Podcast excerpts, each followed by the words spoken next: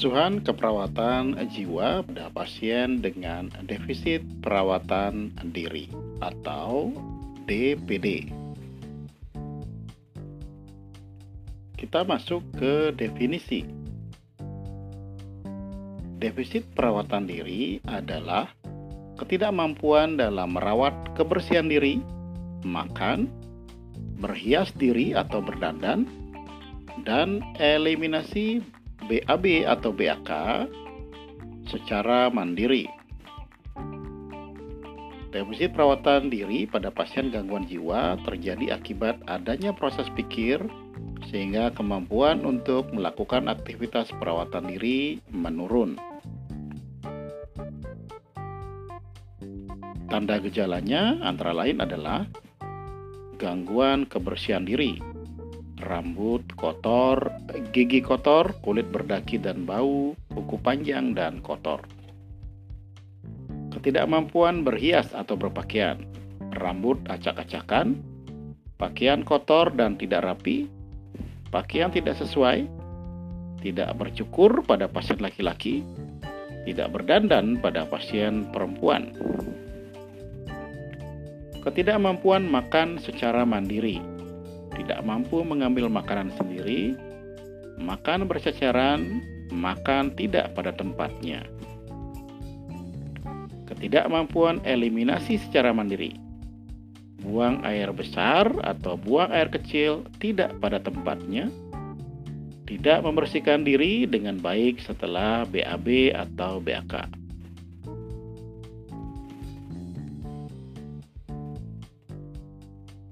Kemudian untuk pengkajian fokus pada pasien defisit perawatan diri, selain tanda dan gejala yang sudah disampaikan tadi, maka kita juga mengkaji status mental pasien, apakah penampilan tidak rapi, apakah penggunaan pakaian tidak sesuai, atau cara berpakaian tidak seperti biasanya.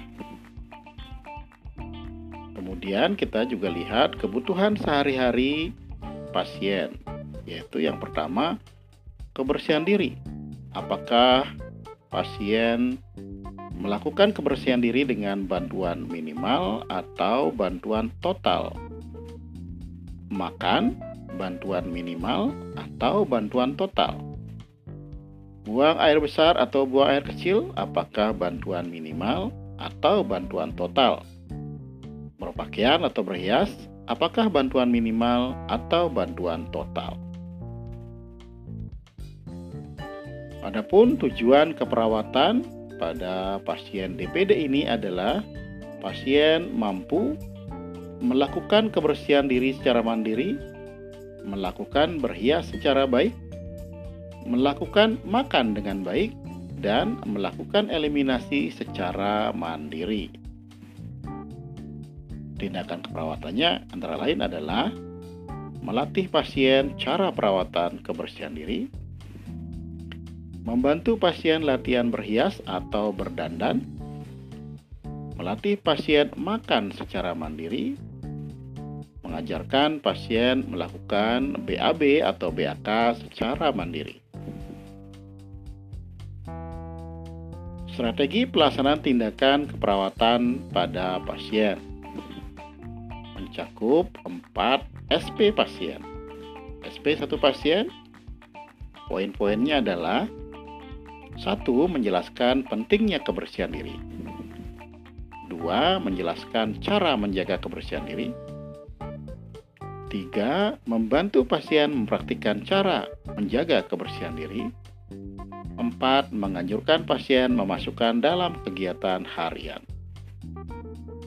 SP2 pasien satu, mengevaluasi jadwal kegiatan harian pasien. Dua, menjelaskan cara berdandan. Tiga, membantu pasien mempraktikkan cara berdandan.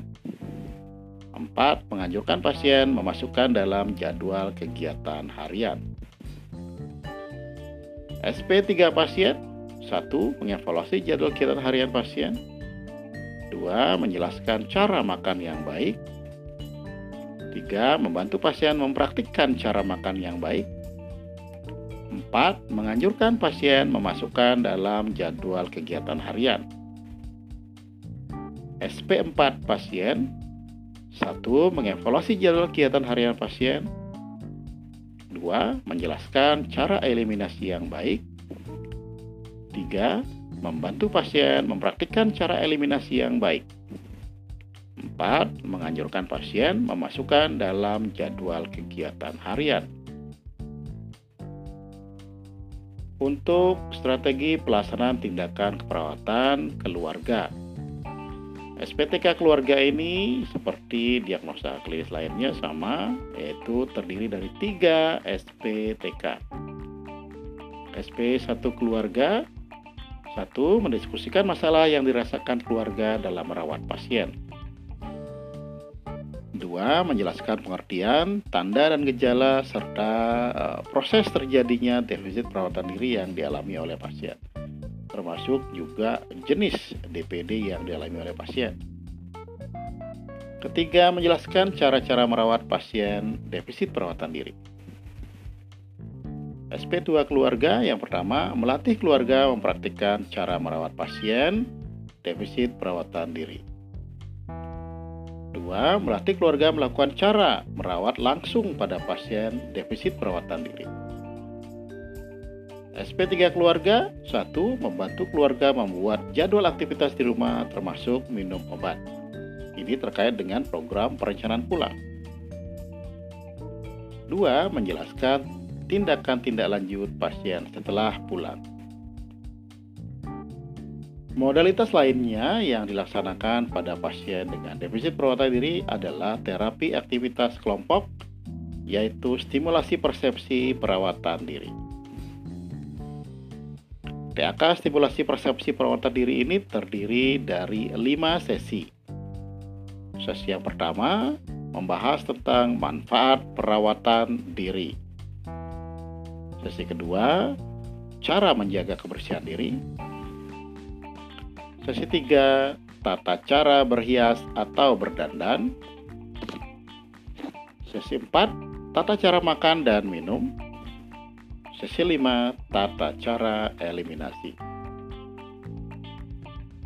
Demikian secara ringkas yang bisa kita bahas terkait dengan asuhan perawatan jiwa pada pasien dengan defisit perawatan diri. Semoga bermanfaat dan salam sehat jiwa.